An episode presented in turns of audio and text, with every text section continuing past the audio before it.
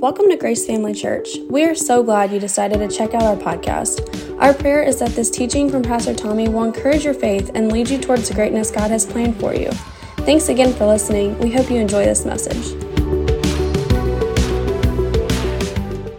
Uh, I want to start a new series this morning entitled Killing Faith Killers. You know, it's a pretty harsh term, killing. I thought about it. I might, you know, if I put that out on Facebook, I might get, you know, edited because I'm using the word killing. But, uh, you know, we, uh, there are certain things in our life that we need to kill. Not people, not individuals, but there are certain things that we need to kill. And so I want to talk to you in this series about killing the faith killers in your life, the things that rob you. And so, uh, really, as I, as I was praying about uh, really this and what, how this series really, how this, this set of messages I'm going to be sharing came about was, you know, um, I just spending time as a pastor, I was praying and seeking the Lord. What is the next word for our church? What is the next thing you want me to share that would be helpful to our people? How many of you realize God cares about you where you're at in your life? And so it's important, as best as I can, as an individual and human being, to get before God and hear His word that He wants to speak to our hearts because He knows what everybody's going through, right? And so, you know, uh, and so, uh, and so, in praying about that, the Lord led me to this verse of Scripture that we're going to read before we start the series. It'll be the foundational Scripture for our text, and we'll actually probably get to this, this, this, this verse a little later in the series, or maybe a little later in the message, even today, before we address it directly. But I want to read to you this, uh, this, this passage of Scripture. Uh, and then we'll pray, and then I just want you to believe God with me for His Word. I, how do many of you love His Word? Glad some of you do. Hey, all of you do. Amen. We got the amen corner over there. Um, I am so grateful for the Word of God. It is the bedrock and foundation of our life. Amen. And so, as we approach the Word of God, let's approach it with a, a hunger that says, Lord, speak to me from it. Give me truth. Amen. So, uh, Song of Solomon, chapter 2 and verse 15 says this it says, Catch us the foxes the little foxes that spoil the vines, for our vines have tender grapes. Let's pray before we get started. Father, we come to you right now in the name of Jesus, and I thank you for your truth, I thank you for your word, and I thank you for your spirit. I pray in the name of Jesus that you will lead me as I, as I minister the Word of God today to say the things that need to be said, to convey the things that you've placed in my heart that need to be said, and new things that maybe and possibly I haven't seen yet that need to be shared. I thank you for leading me and guiding me and using my tongue as the pen of a writer to write upon the hearts of each person here. And I pray that each heart here would be receptive and open and hungry to hear your truth. That each person here would have ears to hear the truth of your word and what your spirit is saying to us. And I pray that as we leave here today, we'll be able to say we are better. Not because we accomplished a task or check a box, but because we truly have heard from you today. I give you praise and thanks for that taking place, and you will receive all the glory for it, Father, in Jesus' name. Amen. You know, as I said, I believe the Lord led me to this uh, foundational text um, that we'll be sharing about over the next several weeks. Um, and it was a result of me praying about really what um, I should uh, share next. And as I was praying about what I should share next, really just a, a thought came to my mind uh, of myself. Uh, and really, I, I, as I was thinking about myself, I thought about the times in my life where uh, I have been frustrated because God has promised me something, uh, and it's clear in His Word that He's promised it, but I have not seen the manifestation of it. How many of you ever been there? Had that happen in your life? Amen. Well, I can tell you, if you haven't, you will. Stick around because you're human. Um, but the truth of the matter is, is that God promises us a lot of things that we can have and we can possess and that can be ours, but many, sometimes we as individuals fall short of it. Sometimes we see those things delayed. Sometimes we walk in limited amounts of it, but not the fullness of what God says we can have. And, and when that happens, it can lead to frustration in our life. It can lead to discouragement. You know, the Bible says hope deferred makes the heart sick, right? It can even lead to situations where we're like, man, I just, what's going on, right? And, and as I was praying about that in my own life, I thought, you know, there, there's probably many people that have experienced that in their life. There may be some here uh, that, are, that are experiencing that now. Um, uh, and, and as I said, if you're not, then stick around, you will, because because life just has a way of jumping up and doing those things. And when that happens, you know, in those frustrating moments, we can find ourselves doing one of two things. We can find ourselves going to God's Word to find out why that's taking place, or we can buy into the traditional re- religious lies that, that just point the finger of blame at God as to why we're not experiencing what we want to experience instead of us taking ownership for it. What do I mean by that? I mean, you know, uh, things like this. Well, maybe it's just not God's timing. Amen or oh me. Those words have come out of my mouth before. As if God is withholding the thing that He promised to you he said, You can have it. And he said, and we're going to find out in a minute, he said, It's already yours. But he's somehow holding it back for the right amount, right time. Right? I can already tell. It's bristling people. Wait a minute, wait a minute, wait a minute. Doesn't God have a timing on things? Yeah, He has timing on things. Maybe it's not God's timing. You know, what, in that situation, when you're not receiving what God has clearly stated that you have and you're saying it's not God's timing, and He says it's yours because of Jesus, then what you're saying is He's saying it's not yours. He, he can't give it to you yet. And he already said he gave it to you. I'm going to get to this in a moment, right? Maybe there's another one, this one. Well, God just knew I couldn't handle it, so he didn't want to let me have it. Right? He knew better than I did. We, boy, I could, I could just go off on tangents. I'm just going to hit these. Well, maybe it's just not God's will for me, even though His Word clearly states that it's His will for you, right? Like God said it, but maybe He didn't mean it, right? There's a lot of people that do that. And then the worst of all excuses that we have when we're going through difficult situations, when things aren't happening like we think they should, when we're experiencing bad things at life, we point the finger of blame at God and make this horrible excuse that maybe God is giving it to me because He wants me to learn something. As if God's got some mystical plan for you, specially when He's told everybody else in His Word that He doesn't want you to have that. Right? All of those things, to be honest with you, are sorry excuses of not taking ownership for the real reason while probably we haven't walked in what God says we want to have. You know, if you look at the ministry of Jesus, Jesus was a loving person. Jesus cared about people. But if you go through the ministry of Jesus, what you'll find is this anytime somebody came to him and asked him why there was a bad situation taking place, he never once said it was because God had a plan in doing it. Matter of fact, I haven't done an exhaustive, exhaustive search. I would say 100% of the time, but just to cover for human error, 99.9% of the time, Jesus said these words It's because you have no faith, little faith, weak faith, right? It's because you have those things. Now, see, a lot of people would say, well, that's hard. That's, you know, it makes me feel bad. Well, I don't care if it makes you feel bad because it's important for sometimes you to feel bad for you to get better.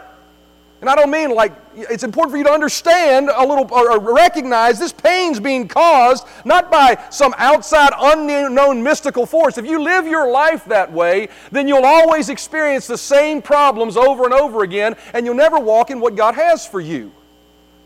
Jesus always told us in some shape, form, or fashion when we're going through difficulty, it's not because God is doing it, it's because of either an attack on our faith or a breach in our faith.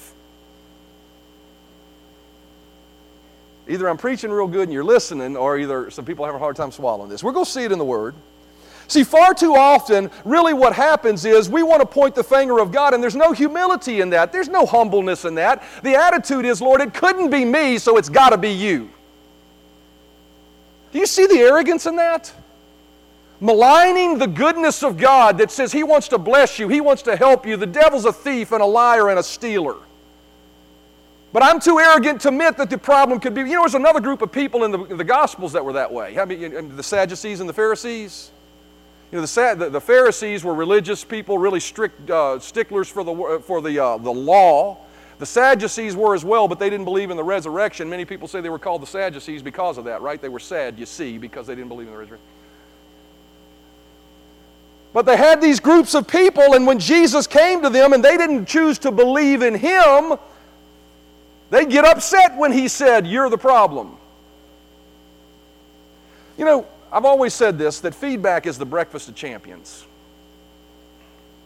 You need to be willing to hear you're wrong. Amen. You need to be willing to open your heart up and say, Lord, you know, when I'm going through a problem, I know you're good. It can't be you. What, what, am I, what do I got to fix? Right? Amen. See, I would say this far too often we want to frame and shape our belief based on our experience. Instead of interpreting our experience based on God's clearly stated and firmly believed truth. See, truth never changes. The Word of God stands forever. And when you have an emphatic truth in the Word of God, you should never bend that truth to fit your experience. You need to understand that the reason you're experiencing something other than the truth says you can have is because you haven't aligned yourself with truth. Amen. We wind up making up a make believe, make me feel good about myself belief system. Well, you know, God's got a plan, God's got a purpose. Well, I'll tell you what, you, you believe that the rest of your life, and you'll keep having what you don't want to have for some unfounded, untruthful, mystical reason that God's got some unfounded, unmystic, uh, untruthful, mystical reason for you to have it. Amen. Never choose to lessen your opinion of God's goodness or lessen the guarantee of a promise based on your experience of not receiving it. See, well, I guess God just, I guess I just, I guess that wasn't meant for. No, it was meant for you. Even if you failed, you missed it, opportunity gone, and you just didn't get it. Always look in your heart and say, Lord, wait a minute. Why, what, what could I have done better to get there? Amen? See, because the reality is, eh, when you face problems and frustration and difficulties and things not happening as quickly as you think you should or not happening at all, it's never on God's end. Why? Because God has already, I share this scripture all the time, and I hope you don't get tired of hearing it, but it is the truth.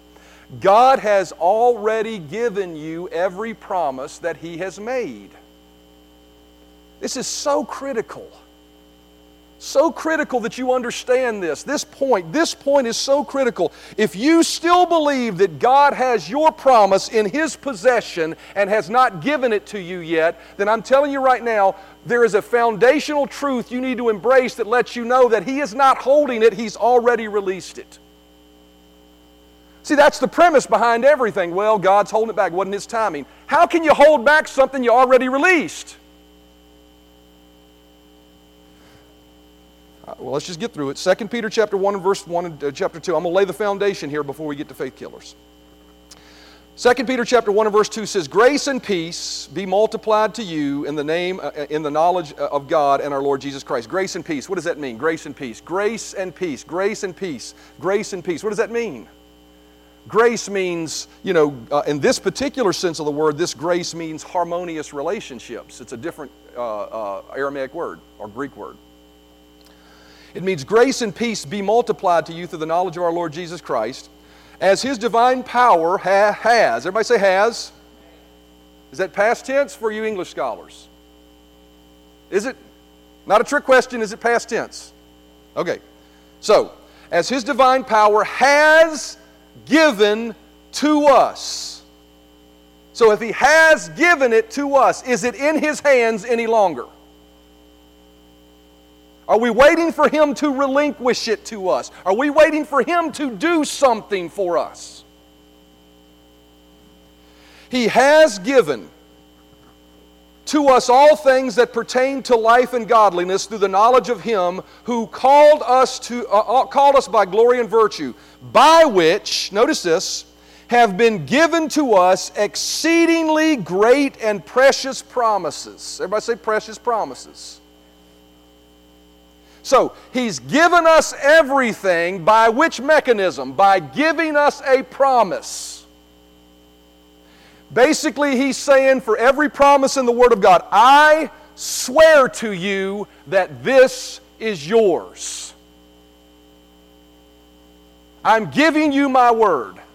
I'm releasing it from my hands right now. This is my promise. You can count on it, you can bank on it. This is yours.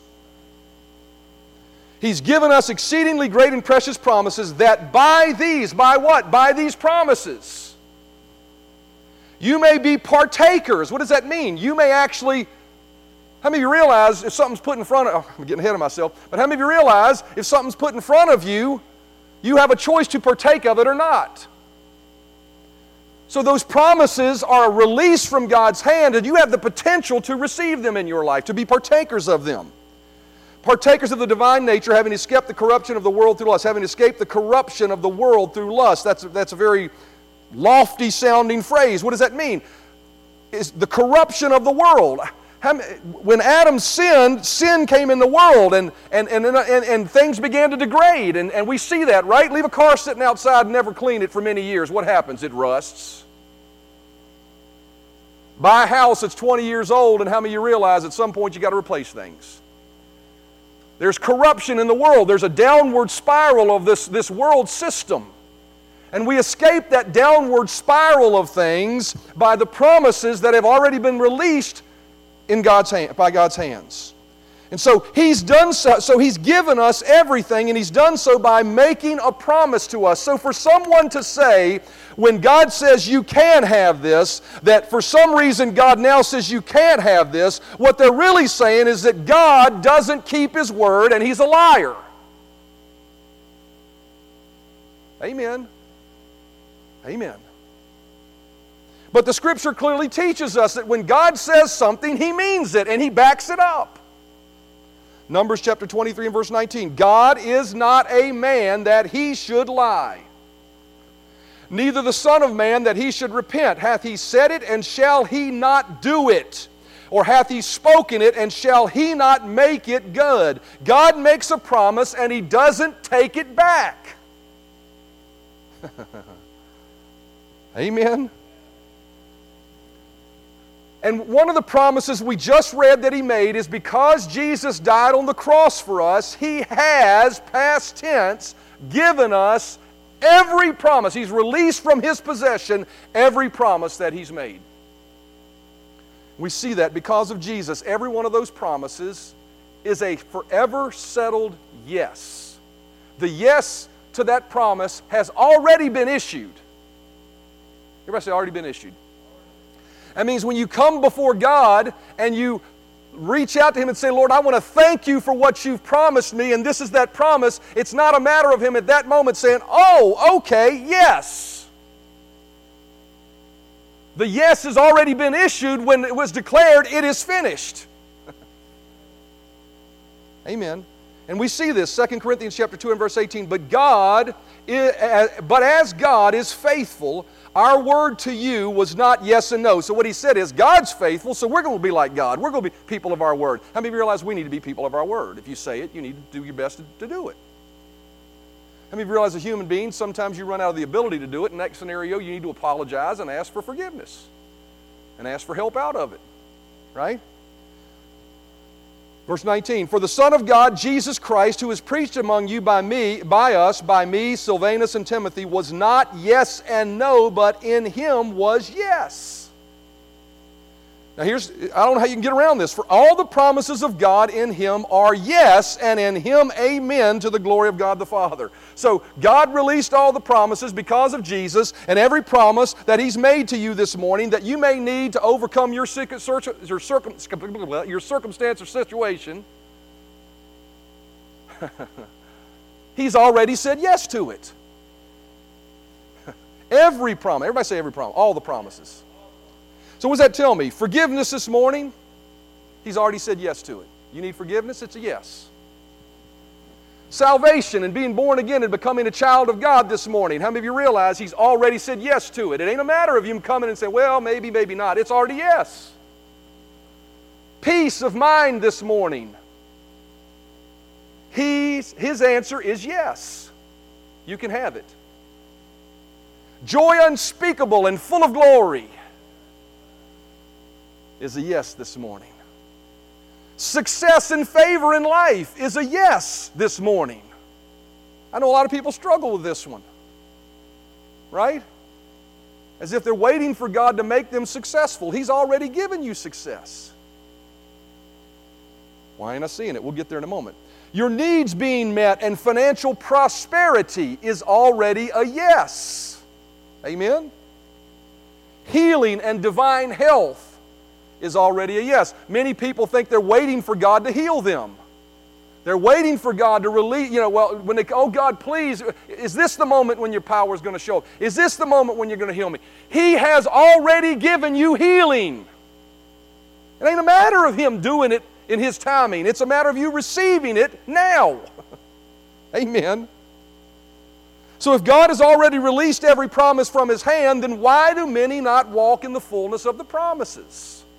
I can assure you, as I've said before, it is not because God is withholding. I'll give you the punchline up front. It's because every promise of God must be received by our faith. Amen. Amen. And when a promise of God is not received that is clearly stated in His Word, this may hurt a little to hear it, but be humble. It's because of an attack on our faith or because of a breach in our faith. That's it. There are a lot of things that can hinder your faith. There are a lot of things that can kill faith. There are a lot of things that can come against faith. 1 Timothy chapter 6 and verse 12 says, "Fight the good fight of faith." You know, last week we talked about what was your cross to bear, and your cross to bear isn't his cross to bear, right? Your cross to bear is the cross of love. What is your fight? I can tell you this your fight is not with the devil, he's already defeated. Your fight is not with the devil. We do wrestle not against flesh and blood, but against principality. There's a wrestling that takes place, but it's not a wrestling to cause him to be the loser and you to be the winner, because he's already the loser. He's already been defeated. Your fight is a fight of faith, it's a fight of occupation of standing your ground and saying, No, this is what God says. I will not relinquish. I will not relent. I will not let you have what God says is mine. Amen. And so fight the good fight of faith. Lay hold on eternal life to which you were called. Faith is how we lay hold to eternal life. And eternal life is not just going to heaven. Eternal life, if you look at the word life, it's the word Zoe. It is the God kind of life. Faith is how we possess life like God has it. Faith is how we possess the, the abundant life that God came to give us. And that includes salvation, most importantly, yes. But once you get saved, He don't want you living on this planet just scrounging around like a pauper passing through and being beat down and beat up. He wants you to be a, what He said you were an overcomer, a winner, victorious while you're here so that you can be a blessing to others, a greater blessing to others. I mean, realize you can be a blessing to others when you're beat up. You can. But how many of you realize you can be a greater blessing to others when you're not beat up? You can be a blessing to others when you don't have any money, and that's okay. How many of you realize you can be a greater blessing of money when you got so money, much money laying around that you don't know what to do with it? You say, well, that's a bad place. God would. Why wouldn't He do that if your heart's right? I mean, why wouldn't He do it? Why wouldn't He do it? He said that. He said, I, He said, I'll give you the power to get wealth. Just don't forget me when you get it. Amen.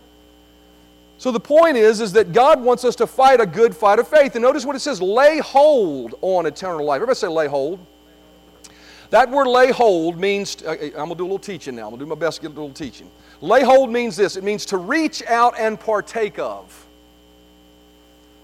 So, to fight the good fight of faith involves you reaching out and partaking of something. To me, it has sort of the image of a, a, a, table being set and you reaching out and partaking of the table. There'll be Super Bowl parties going on everywhere today, right? And there'll be spreads everywhere. And for you to enjoy that chips and salsa, how many realize you got to reach out and take the chip? You can stand there and look at it all day long. But you got to reach out and take the chip. You lay hold of the chip, right? Now, didn't God say He would prepare a table for us in the presence of our enemies? See, He's already prepared the table, He's already put it in front of us. Notice that phrase, to which you are called. So, what that tells me is that we need to lay hold of something that we've already been called to.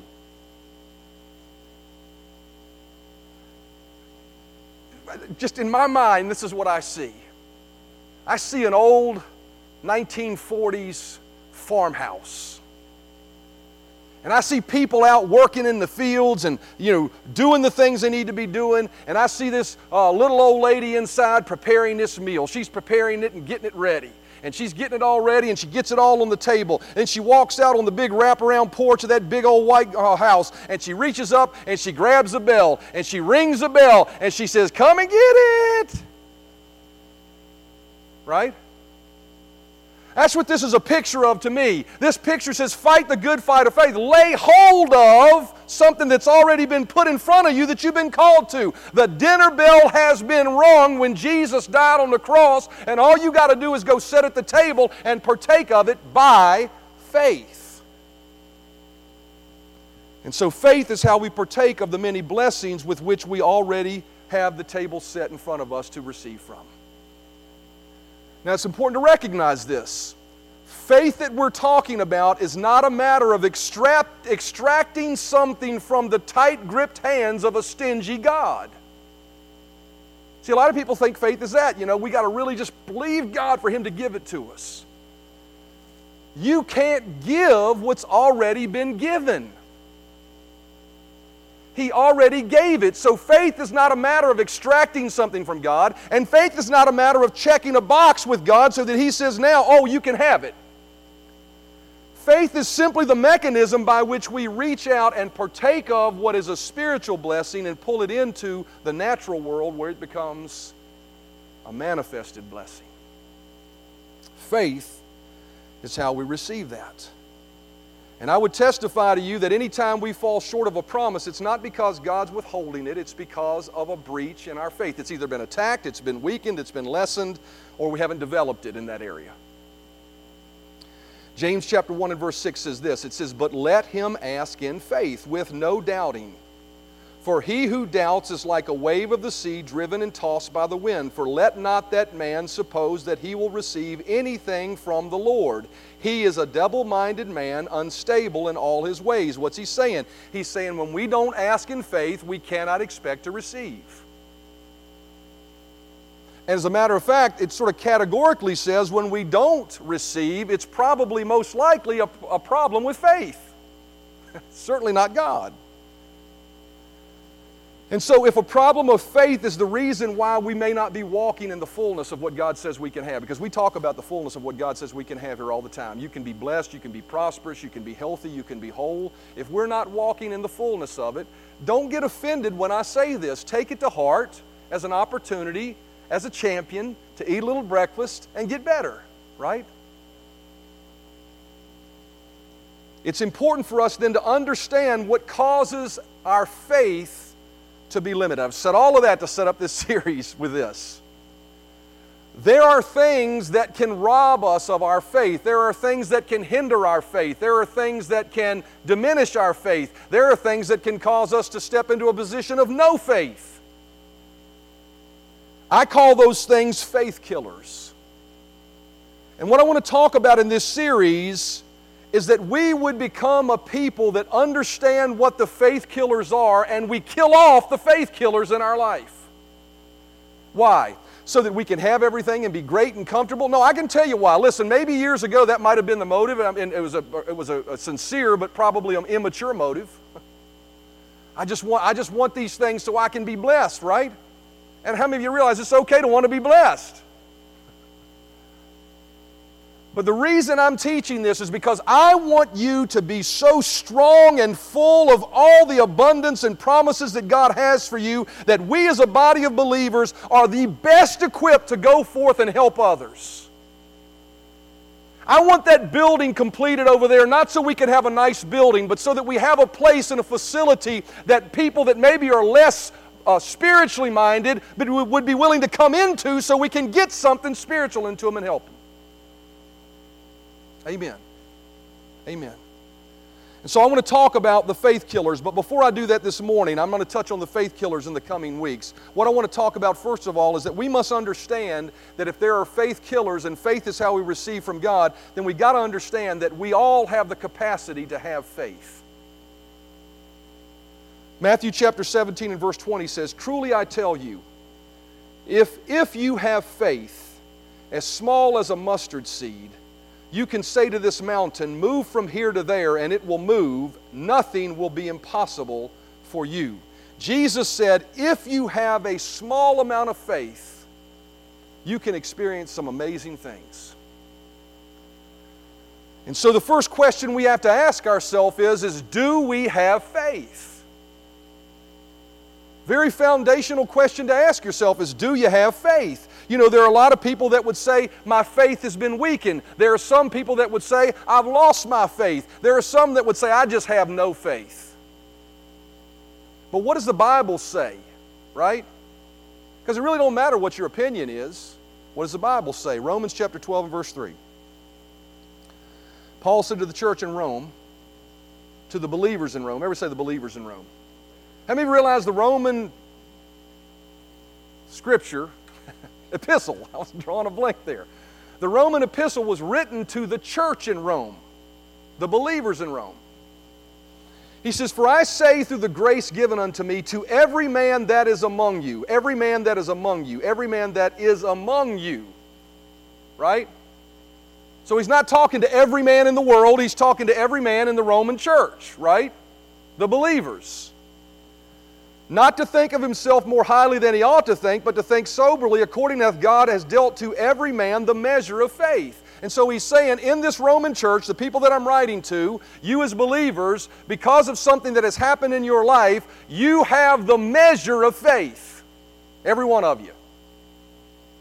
Every man in this group of believers, and how do I know he's talking about every man? Well, here's another translation. NIV is a very literal translation of that scripture. It says, For by the grace given to me, I say to every one of you, do not think of yourself more highly than you ought to think, but rather think of yourself with sober judgment in accordance with the faith. Notice this God has distributed to each of you.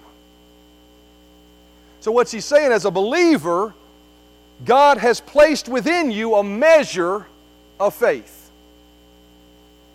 When was that faith given? Romans chapter 10, verse 14 and 17.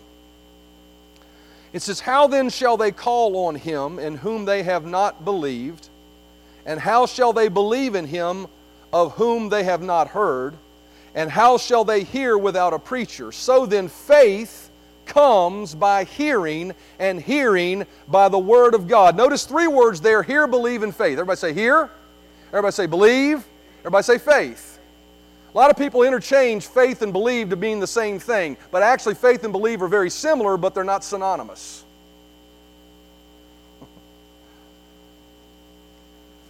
when do you believe? What is does it mean to believe? Believing, notice what it says there.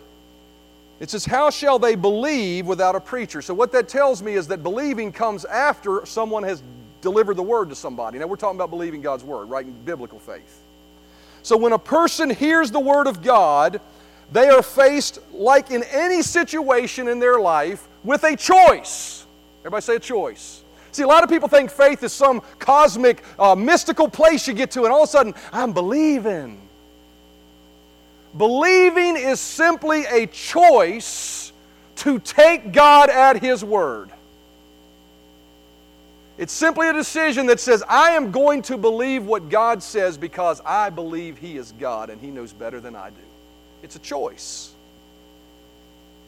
And when a person makes that choice to believe, the measure of faith is sparked within inside of them. When a, when a person hears the word and believes it, it's a divine moment of conception where the moment of where the measure of faith happens on the inside of them for that particular promise. So we could go a step further. Even though the measure of faith was given to those believers, even a lost person, if they hear the gospel and they make a choice to believe it, faith sparks within their heart, very much like when a person is born. You know, the seed and the sperm come together, and all of a sudden life happens. Hearing and belief come together, and God supernaturally, by the Spirit of God, sparks a measure of faith. Because it says in Romans 12 3, He gives you that measure of faith. So all of a sudden, this measure of faith, birthed by God through your choice and His Word, brings about this faith on the inside of you. So, any man that makes a choice to believe God when he makes a promise is the moment when that man receives the measure of faith. Now go back to Romans chapter 12 and verse 3. God hath dealt to every man the measure. Everybody say the measure. That word measure is really interesting. That word measure means the adequate amount. So, what that tells me is that whatever it is you have chosen to believe God for, that He has said you can have, when you choose to believe it, He places within you the adequate amount of faith to receive it. Some people say, well, you know, I just don't have enough faith. No, if you made a choice to believe it and you heard it, that fa- there's an adequate amount of faith in you to receive it. And so every believer has this adequate amount of faith. What that tells me then is this that no believer can truthfully say, I just don't have faith. No believer can say, they may feel like they don't have faith, but I will tell you something, it's down on the inside of you. And what that also tells me is that no problem, because if it's the adequate amount, then no problem you face that is addressed by a promise of God is greater than the faith that is on the inside of you as a believer. That's why the Bible says, Greater is He that is in you than He that is in the world. I don't care what you're facing. I don't care what your dilemma is. This is the point I want you to hear this morning. Residing within you, if you made a choice to believe God's word because you heard it, He placed within you the adequate measure of faith to overcome that problem. So, back to what Jesus said, Matthew chapter 17. Truly I tell you, if you have faith as small as a mustard seed, if you have faith as small as a mustard seed, well, have you met? What's he saying there? He's not saying someone, he's saying, if you made a choice to believe me, then you've got faith. And then what does he say there? You can say to this mountain, Move from here to there, and it will move, and nothing will be impossible for you. He's expressing the potential in every human being that has ever lived on the planet. If they just make a choice to believe the word they hear, the promise of God, they have the faith on the inside of them to achieve the impossible, to receive the supernatural, to change natural circumstances, to see things happen beyond their ability as God's ability shows up to back up that promise. See, here's the thing. Many people think, well, I gotta, I gotta, I gotta check a box and then God release. His power is pent up and waiting for you to simply open the door, flip the switch of faith. It's there. You just have to exercise your faith. He's not waiting for you to do anything. I mean, well, He's waiting for you, but it's not like you've got to earn it. It's, it's already there. It's already yes.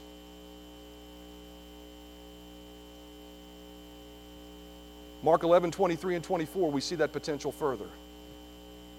First, first verse 20 through 22, it says, Now in the morning as they passed by, they saw the fig tree dried up from the roots. We know the story. Jesus cursed a fig tree because it didn't have fruit on it. The next day they walked by it and they saw that it had, it, what he said had happened. And Peter, remembering, said to him, Rabbi, look, the tree which you cursed has withered away. So Jesus answered and said to them, Have faith in God.